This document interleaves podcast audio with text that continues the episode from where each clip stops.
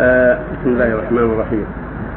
طلبت طلبت إذا طلب الزوج مقابلة المرأة دون خلوة فما هو دليل على ذلك؟ ورسول الله صلى الله عليه وسلم يقول كل كل المرأة عورة ما أدري يعني.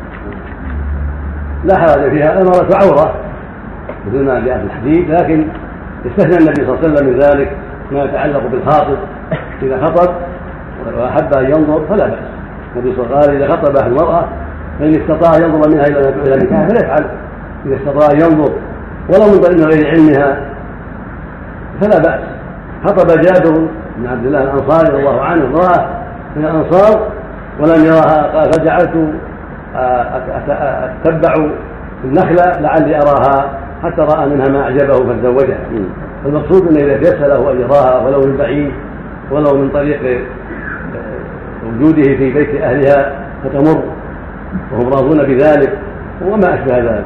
وإذا تيسر أن أباها أو أخاها يحضرونه عندهم ويدخلونها عليه ويراها من غير خلوة حضرة أبيها أو أخيها أو أمها ونحو ذلك فلا بأس.